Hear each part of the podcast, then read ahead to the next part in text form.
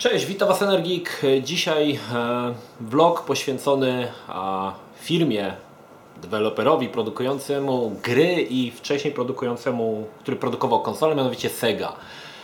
Jeżeli mam wybrać, określić mój stosunek do Segi, to mm, pewnie w jakiś sposób mogłoby to być fanboystwo. E, Pamiętam, że gdy pojawiła się pierwsza PlayStation i na rynku wtedy, no polskim rynku, bo wtedy to tak światowy rynek nas troszkę nie to, że nie obchodził, jakoś tak on był sobie tam gdzieś z boku i to był zupełny kosmos, ale na polskim rynku pojawiły się dwie konsole, Sony PlayStation i Sega Saturn. Zawsze byłem bardziej e, ukierunkowany na Segę. I w tym, w tym wypadku PlayStation i Sega Saturn, jeżeli miałbym wtedy kupić konsolę, zwłaszcza, że te konsole były na początku koszmarnie, koszmarnie drogie, wybrałbym Sega Saturn. Przede wszystkim było tam parę gier, które mnie interesowały. E, Pamiętam, że pierwszy raz e, w Residenta na przykład zagrałem właśnie na Sedze Saturn. To było jeszcze w takich przybytkach, gdzie chodziło się, koleś miał na przykład cztery konsole i tam za 5 zł mogłeś godzinę pograć sobie na dowolnej tam wybranej grze.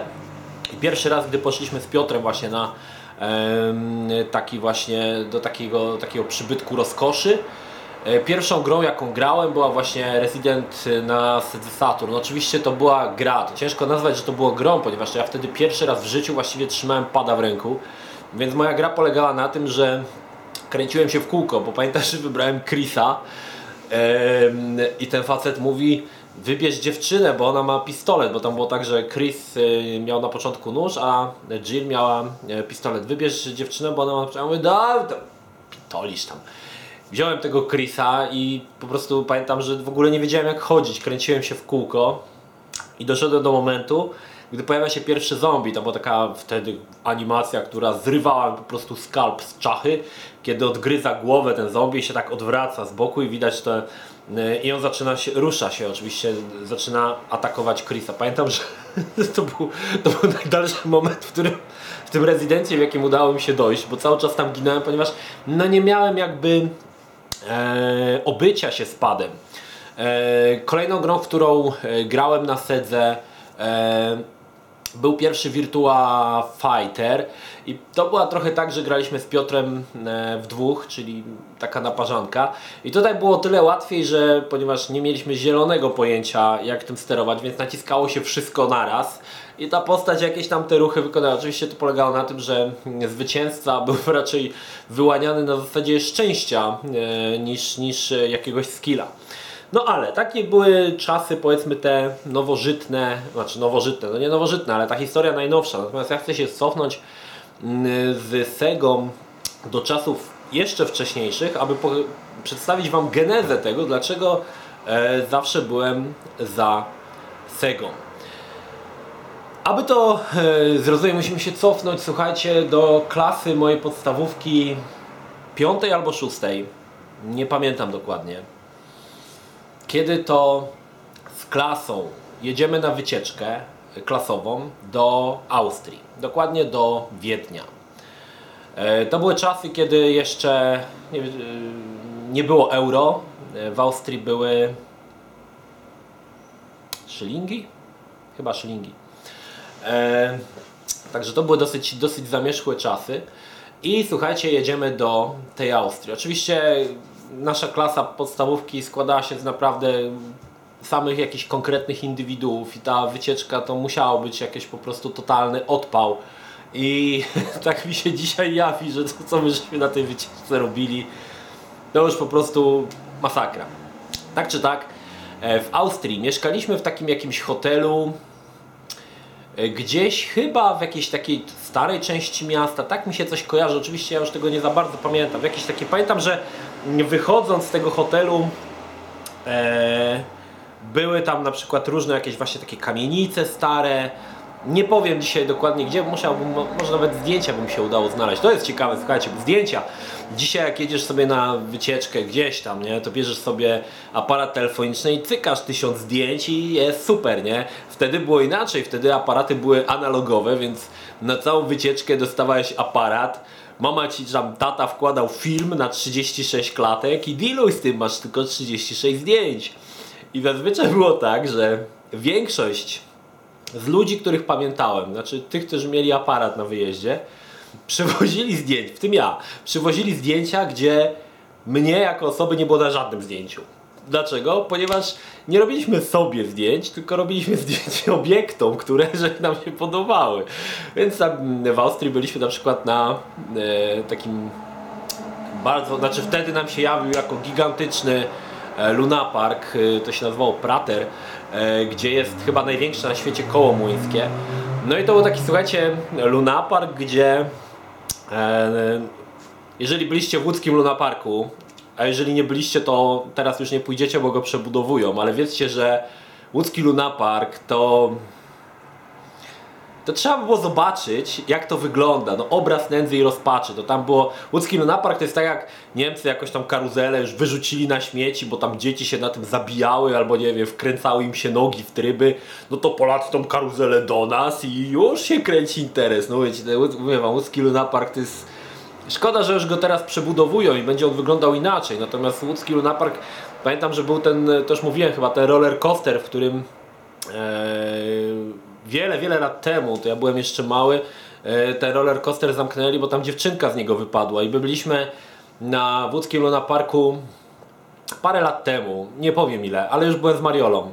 I e, z Mariolą żeśmy pojechali na, weszli na ten, łódzki, na ten roller, roller coaster, to nadasz, po prostu jest taka dumna nazwa dlatego, że łódzki roller coaster, e, żeby się przejechać. Mariola mówi, że w życiu, w życiu się nie bała jadąc tym roller coasterem i to faktycznie jest przerażające, bo, bo tak, że jedziesz i widzisz, że te rurki to po prostu sama rdza, że to się trzyma normalnie na, na, na tych, na, na farbie, nie? No po prostu wszystko tam rzuca, w ogóle wali, nie? No faktycznie było to niesamowite doświadczenie. Ale wracając właśnie do tej Austrii, no to ten nasz, tamten, tamten e, Luna Park jawił nam się jako coś po prostu absolutnie gigantycznego i fantastycznego. E, pamiętam, że tam był taki jeden z takich roller coasterów, prawdziwy roller coaster, który właściwie jadąc, on jakby był nad, przynajmniej tak mi się kojarzy, nad całym parkiem, on był naprawdę długi. E, I to była naprawdę konkretna jazda, ale najfajniejsze chyba było, były zamki strachu, ponieważ na Praterze, ja byłem wtedy fanem właśnie tych, tych zamków strachów. Łódzki Zamek Strachów to już pominę to, bo jest, ale szkoda o tym gadać. Natomiast y, słuchajcie, na Praterze zamek, zamków strachów było 4 albo 5, udało mi się wszystkie pojechać. Pamiętam na, na wszystkich pojechać pamiętam na jeden był taki fajny, fajny patent, gdy wjeżdżało się, wszystko było ciemne i był farbą fluorescencyjną albo podświetlany, był taki most, było widać. I wjeżdżasz na ten most i ten most się zawala. Znaczy zawala, on po prostu tak jakby się składał i zjeżdżałeś jakby w dół. Pamiętam, że to było naprawdę kurczę konkretne, e, konkretne wydarzenie, bo większość to tam wiecie, były jakieś tam strachy wyskakujące z boku, coś, ale ten most mi zapadł, zapadł w pamięć, bo to było naprawdę coś, coś nowego i coś, coś fajnego. Oczywiście ja wtedy lubiłem te e, zamki strachu, ale chłopaki, jak te chłopaki, przede wszystkim to te maszyny slotowe zaraz ich tam e, interesowały. Niestety maszyny te slotowe było do 18 lat, a po parku spacerowali bardzo często ochroniarze i e, przeganiali, żeby te, żebyśmy nie grali w to. No, tam mieliśmy, no, nie, nie, mieliśmy nawet, nie wiem, no, nie wiem, nie mieliśmy chyba nawet 15 lat, ale e, te maszyny slotowe to jest w ogóle ciekawa rzecz. Jak to było, słuchajcie, zrobione, jak to było taka tak na rybkę zrobione, żebyś myślał, że zaraz, za sekundę wygrasz. Musisz się teraz skoncentrować. Maszyna to była taka no, pucha, tak, przezroczysta e, u góry i była taka taca, na której leżały albo pieniądze, albo żetony. Chyba to były jakieś żetony, o ile dobrze pamiętam. I tych żetonów była cała masa. I one leżały na takiej tacce, która była, wyglądała tak i tu była, było ścięcie. I te wszystkie monety leżały już na samiuteńkim brzeszku. Na samiuteńkim brzeszku tutaj e, przed, tą, e, przed tym spadkiem. Jeżeli by spadły, no to wtedy wybierasz te pieniądze. Z drugiej natomiast strony gdzie była ta, e, e, ta, ta, e, no, ta tacka, była taka rączka, która się poruszała w taki sposób. I ona właściwie muskała te monety, które tutaj leżały na samym końcu. Więc jeżeli by tylko milimetr dalej się posunęła, ona by popchnęła te wszystkie pieniądze i one by spadły. I teraz cały E, pomysł na ten automat polegał na tym, że wrzucałeś monetę i chodziło o to, żeby ta moneta wpadła przed tą ruszającą się rączkę. Jeżeli by wpadła, to oczywiście by popchnęła to wszystko i te pieniądze by spadły, tak? Jakaś część tych pieniędzy. Na tym to polegało. No oczywiście większość, w większości wypadków ta moneta spadała za łapkę, e, Natomiast chłopaki no, byli zafascynowani tym, nie? I oni tylko patrzyli, potem to się wycwanili i na przykład y, była taka, taka miejscowa, że było dwóch, był jeden ochroniarz i w takiej powiedzmy odległości, nie wiem, tam tak pi razy drzwi, no nie wiem, 50 metrów, 30, były dwa automaty. I robili po prostu tak, że jeden podchodził do jednego automatu i tam niby coś i ochroniarz zaraz do niego, a to reszta do tego drugiego i te monety tam szybko, żeby, żeby wygrać. tak czy tak, nikomu się nie udało tam wygrać z tego, ale to było fascynujące, to było naprawdę fascynujące, bo e, no, to dawało takie, wiecie, że już właściwie wygrałeś, już ten jeden, jeden żetonik wrzucasz i jesteś już ustawiony, nie? Już po prostu high life na praterze. Kurde, to było złe. Natomiast jeszcze jedną pamiętam e, akcję, bo na samym wejściu do prateru była atrakcja, która się nazywała Superman i to była taka gondola, w której się siadało i ta gondola jakby się tak kręciła, ale to tam, co tam się działo, ponieważ w pewnym momencie było tak, że ta gondola przesuwała się, do, kręciła się jakby do góry i byłeś do góry nogami. I chłopaki, ale tu masakra, nie? No to wszyscy na tą gondolę, nie? I tak wiecie, ja tam pamiętam, że ja chyba jakoś nie, nie chciałem na to iść, nie wiem, czy, czy jakoś mnie to tak za bardzo nie realizowało, czy może się trochę bałem, ale chłopaki, dawaj, nie, idziemy na tą gondolę. No i słuchajcie, weszli na tą gondolę, ale nie przewidzieli jednego. Mieli w kieszeniach szylingi e, austriackie. Szylingi? Kurczę, teraz nie pamiętam co to było. E, monety, nie? I ta, słuchajcie, maszyna do góry nogami i deszcz złotych monet po prostu spadał. Pamiętam, że ta mm, podróż Supermanem kosztowała ich więcej niż, niż założyli, bo faktycznie sporo tych pieniędzy tam nagubili. A warto zwrócić uwagę, że e, w Austrii było strasznie drogo. Jak na polskie warunki, to to był jakiś koszmar, słuchajcie. Tam e, jakiś taki breloczek y, kosztował 50 szlingów, y, a szyling chyba kosztował 2 złote. To w ogóle, co, co to w ogóle za koszty, nie? To za 50 szlingów w Polsce to tam mogłeś cały tydzień wyżyć, nie? To w ogóle były jakieś koszmarne, koszmarne pieniądze. No. E, I słuchajcie, jeszcze wracając do tego prateru, czy jeszcze tam jakieś takie rzeczy się dziwne działy? Chyba to wszystko takie, z takich ciekawszych rzeczy. Natomiast e, to jeszcze w ogóle taką ciekawa historia, bo tam jak żeśmy mieszkali w tym hotelu, e, bo to byliśmy, nie wiem, 5 dni chyba na tej wycieczce, e, mieszkaliśmy w tym hotelu, to tak jak mówiłem, to było takie stare miasto, nie? I e, ta nasza nauczycielka od matmy mówiła tylko nie wychodźcie nigdzie, bo tu nie znacie terenu, jeszcze się zgubicie, nie? A tam pff, dawaj, nie? Wyłaziły oczywiście z tego hotelu, nie? masakra, idziemy sobie ulicą, fanfaramfa, chłopaki z Łodzi, wszyscy ubrani w kreszowe drechy, nie? Po prostu wieś. I wtedy pamiętam, że był to pierwszy raz, kiedy widziałem dziwkę. I idziemy, nie? I patrzymy w bramę jakaś stoi dziewczyna. Znaczy taka młoda dziewczyna ubrana w taką czerwoną kieckę, nie? Wszyscy obczajka, nie?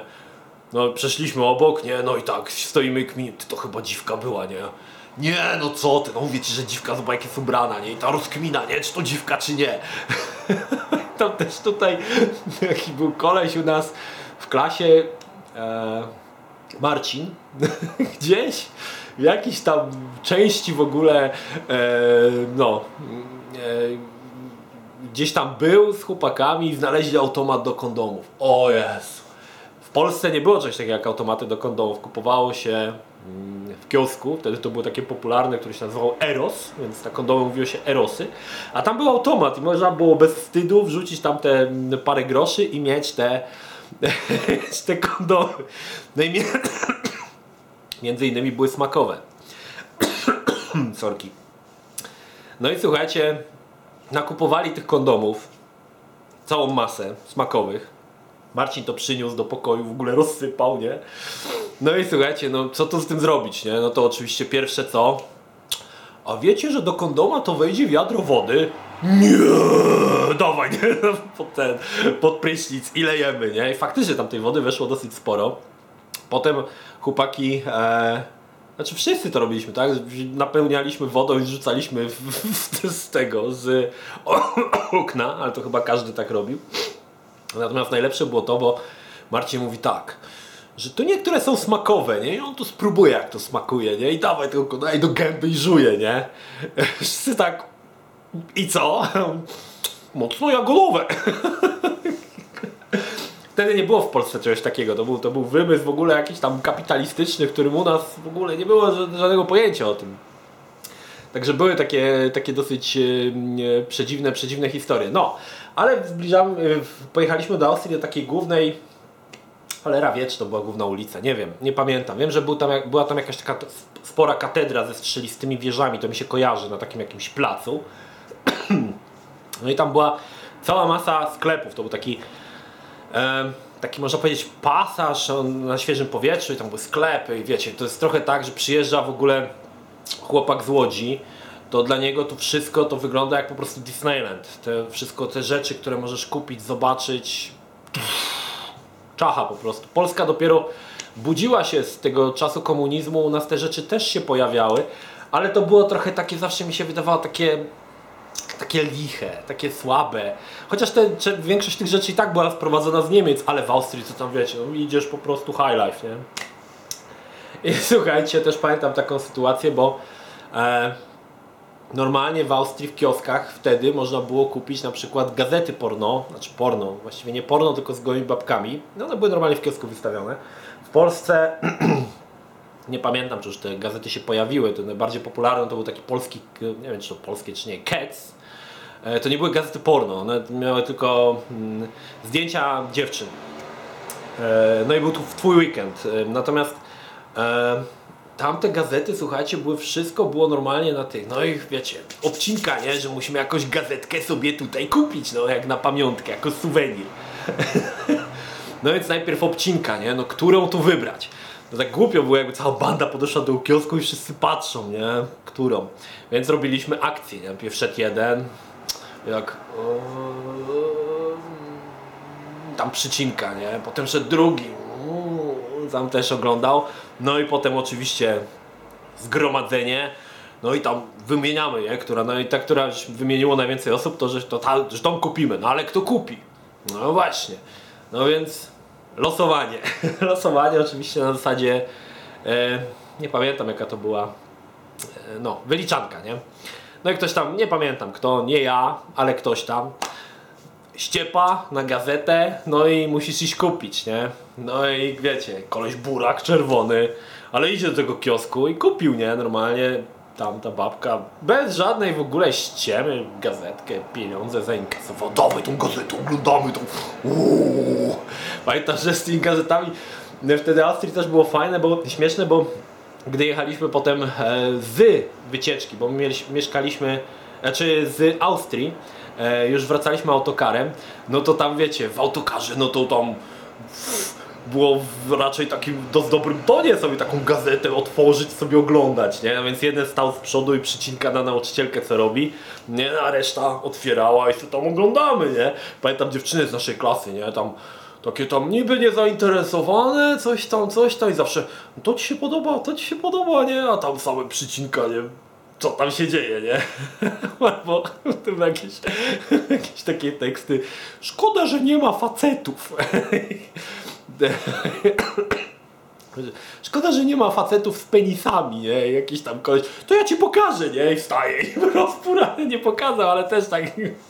To raczej taka była właśnie community fajny w podstawówce, naprawdę ci ludzie jacyś byli tacy zgrani i te dziewczyny i y, my tak jakoś wszyscy, wszyscy byli taką jedną wielką rodziną. Po części to też było dlatego, że wszyscy mieszkaliśmy na jednym osiedlu bardzo niedaleko od siebie i e, w jakiś sposób się zżywaliśmy, ponieważ y, często też bawiliśmy się razem um, poza szkołą, tak? Na przykład na, na, na osiedlu. Także jakoś tak była tam między nami jakaś taka mm, zażyłość.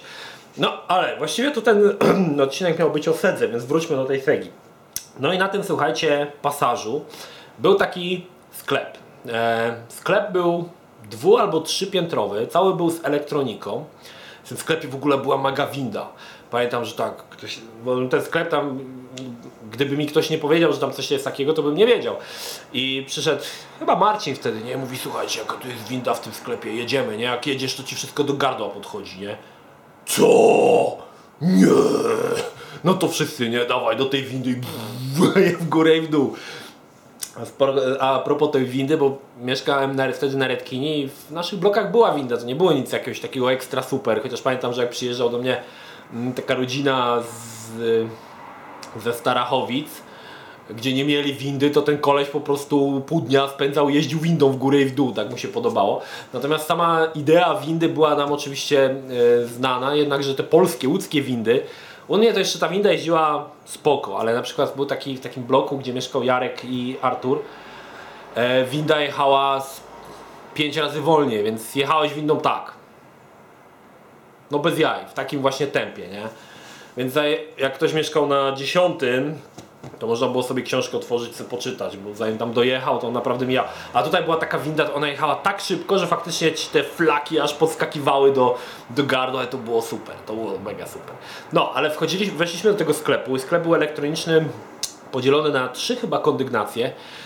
Na jednej z kondygnacji był sprzęt komputerowy. Ja wtedy już byłem wielkim fanatykiem e, komputerów, gier, tego wszystkiego. To mnie strasznie wszystko jarało, nie?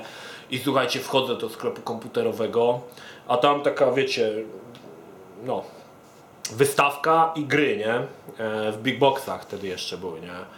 No, Amiga, PC, wiecie, wszystko ładnie podzielone, ja tam wchodzę. Normalnie w głowie mi eksplodował kalafior. I słuchajcie, no mega, mega w ogóle to wyglądało, słuchajcie, wiecie, te komputery, to wszystko było tak ładnie pokazane, postawione, wyeksponowane, te gry, nie? No mówię, no wow. Jest to piękna sprawa, nie? Jak to zobaczyłem, mówię, nie, po prostu mógłbym tu mieszkać, nie? Mógłbym tu zamieszkać. Ale kolejna kondygnacja była poświęcona mm, konsolom. E, I na tej ostatniej kondygnacji właśnie było coś takiego, że był taki dosyć spory telewizor, wtedy to jeszcze były kineskopy i była odpalona Sega. E, Teraz która? Chyba pierwsza Genesis, bo był na niej odpalony ten pierwszy Sonic. I słuchajcie, był właściwie ten Sonic sobie tam jakieś takie demko leciało czy coś, nie? I w ogóle jak ja to zobaczyłem, mówię, Jezu, jaka w ogóle super granie, w ogóle jakiś taki biega, niebieski w ogóle ludek i w ogóle, ale jaka grafika, mówię. Znowu mi głowa eksplodowała. No i tam były oczywiście te gry na tą Segę poustawiane. Pewnie na Nintendo może też było, ja już tego nie pamiętam. Ale e, na mm, kontuarze, czy też na tej ladzie leżały takie mm, katalogi, niewielkie katalogi, takie malutkie książeczki, właśnie z grami Segi, nie? No więc tak, ja tak podchodzę, nie? widzę ten katalog, mówię, Jezu, muszę to mieć, nie? A kolej stał zaraz, no to było zaraz przy kasie, nie? No to tak wyciągam rękę. Gościu się nie ruszył, nie? Tylko tam, wiesz, wiecie, tam... A tych katalogów były dwa różne, nie? No to drugi. Dawaj te katalogi, nie? Oglądamy, oglądamy. E, I słuchajcie, te katalogi, pamiętam, że miałem je bardzo długo. Na okładce obydwóch był właśnie Sonic. E, I pamiętam, że w domu ja potem te katalogi, bo to był taki, mm, to był opis jakiejś gry, taki króciutki na parę zdań i dwa screeny. Oczywiście tak ponieważ książeczka była malutka, e, a na stronie były chyba omawiane te trzy, ze trzy gry, to te screeny były, słuchajcie, no wielkości połowy znaczka pocztowego. Ale ja tam z lupą i tam oglądam w ogóle jaka gra, a muszę w to zagrać, nie? I takie to właśnie były czasy. Pamiętam, że to było moje pierwsze zetknięcie właśnie z Soniciem i z konsolą Sega. I myślę, że po części właśnie przez ten sentyment do mm, tego, w jaki sposób e, e, właśnie, właśnie mam, e, jestem związany z tą Segą, właśnie przez, tą, przez ten wjazd.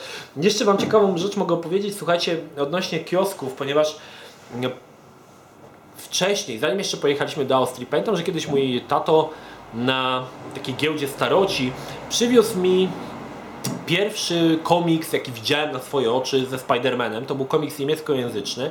Nazywało się to Die Spinne, o ile dobrze pamiętam, i to był format ym, kieszonkowy, czyli taka malutka książeczka. Ona była dosyć gruba, ze 200 stron i tam w środku było parę tych numerów y, Spidermana mm, takich amerykańskich, tylko że one były oczywiście po niemiecku. To było moje pierwsze zetknięcie ze Spider-Manem i pamiętam, że e, gdy byliśmy w Austrii e, i przycinaliśmy właśnie te e, porno gazetki, zauważyłem, że gdzieś na mm, gdzieś właśnie był wystawiony nowy numer, nowy, no jakiś tam o wiele, wiele kolejny, bo to było pa- parę lat później, tak? E, właśnie Dispinę, nie? Mówię, o ja, kupiłbym sobie, nie? Patrzę cenę, mówię, no to nie stać, nie? No to tam z ziomami, no i słuchajcie, mówię, muszę kupić sobie ten ko- komiks, nie? A ponieważ w podstawówce mieliśmy niemiecki, no to wtedy rozkmina jak tu powiedzieć, nie? Musisz najpierw się zapytać ile to kosztuje. Ile? No to Wi-Fi, nie? E, cena to kost, to będzie kostet, nie? No to tam razem żeśmy wykminili Wifil kostet dispine. to dobra, burak, nie? Idę. Wifil kostet dispine, nie? No tam babka zdjęła. No. Ja, ponieważ byłem wtedy jakoś taki, wiecie, mm, nabuzowany adrenaliną, ona do mnie powiedziała, ale ja w ogóle nie skojarzyłem, nie? Mówię, mhm. Idę do chłopaków i powtarzam. No, no. To ile to jest? No to tam mm, coś tam, nie? 7, coś tam, nie? Powiedziałem, że wcześniej sprawdzaliśmy tą cenę, ale prawdopodobnie możliwe, że nie sprawdzałem, bo faktycznie musiałem się zapytać najpierw o tą cenę, bo pamiętam, że było to Wi-Fi nie? No to mówię, no to rozkminiają, no to pójdziesz i powiesz coś tam, nie, że jak to, jak to wziąć i kupić, nie? No to poszedłem, no też kupiłem sobie. No taki suwenir, który sobie przywiozłem z Austrii, który, który chyba był jedynym suwenirem właśnie ten komiks, ponieważ wszystko pozostałe było niesamowicie drogie. I słuchajcie, e, no, ale wracając do tej Segi, bo miał być o Sedze, a zrobił się taki vlog o moim wyjeździe do Austrii z e, podstawówką. Natomiast e, właśnie ta Sega wtedy jakby zaistniała w mojej e, takiej świadomości, że to były takie super ekstra gry. Pamiętam, że później em, sam Sonic e, pojawiał się to było w jakimś takim programie niemieckojęzycznym, jakimś RTL albo Sat1 e, i tam uczestnicy grali w Sonika w pierwszą planszę. I pamiętam, że wtedy mogłem sobie zobaczyć jak to wygląda. I faktycznie ja wtedy miałem jeszcze chyba Commodore. E, ten e, to miała naprawdę super grafikę. To nawet w mojej opinii była lepsza grafika od Amigi, przynajmniej była taka niesamowicie płynna i szybka, co e, nie wiem, może na Amidze nie grałem po prostu w takie rzeczy, ale no, to było niesamowite, niesamowite. I od tego czasu Sega Saturn jakby stała, znaczy Sega Saturn, ogólnie firma Sega stała się moim takim, moją taką ulubioną firmą, jeżeli chodzi o konsolę. Eee, miało być o Dreamcastie w ogóle, ale o Dreamcastie już dzisiaj nie powiemy, opowiemy kiedy indziej. Natomiast eee, no, to były takie początki, więc w tym vlogu 3 minuty o Sedze, pół godziny czy tam 40 minut o wyjeździe do Austrii. No, ale wrzucę to trudno e, i, i, i tak, no i tyle no. Natomiast y, w kolejnym odcinku dowiecie się o e, postaram się, znaczy już nie ma co rozwijać Segi Saturn, bo poza tym jednym razem kiedy grałem w to mogę opowiedzieć o paru grach na Sedze Saturn, no i oczywiście opowiem o Dreamcastie jeszcze, na który wszyscy czekają. E, Trochę mi się ten vlog w ogóle rozsypał. Wiecie, ja to czasami jestem taki tak zwany sidetrackowiec, że jak zacznę po prostu jakąś historię poboczną, to potem idę w tą stronę, już zapominam o głównym wątku. Także sorry. Jeżeli chcieliście dowiedzieć się o Sedze, to w tym vlogu niestety się za wiele nie dowiedzieliście. No, to tyle. Pozdrawiam z Energii, trzymajcie się, do następnego. Cześć.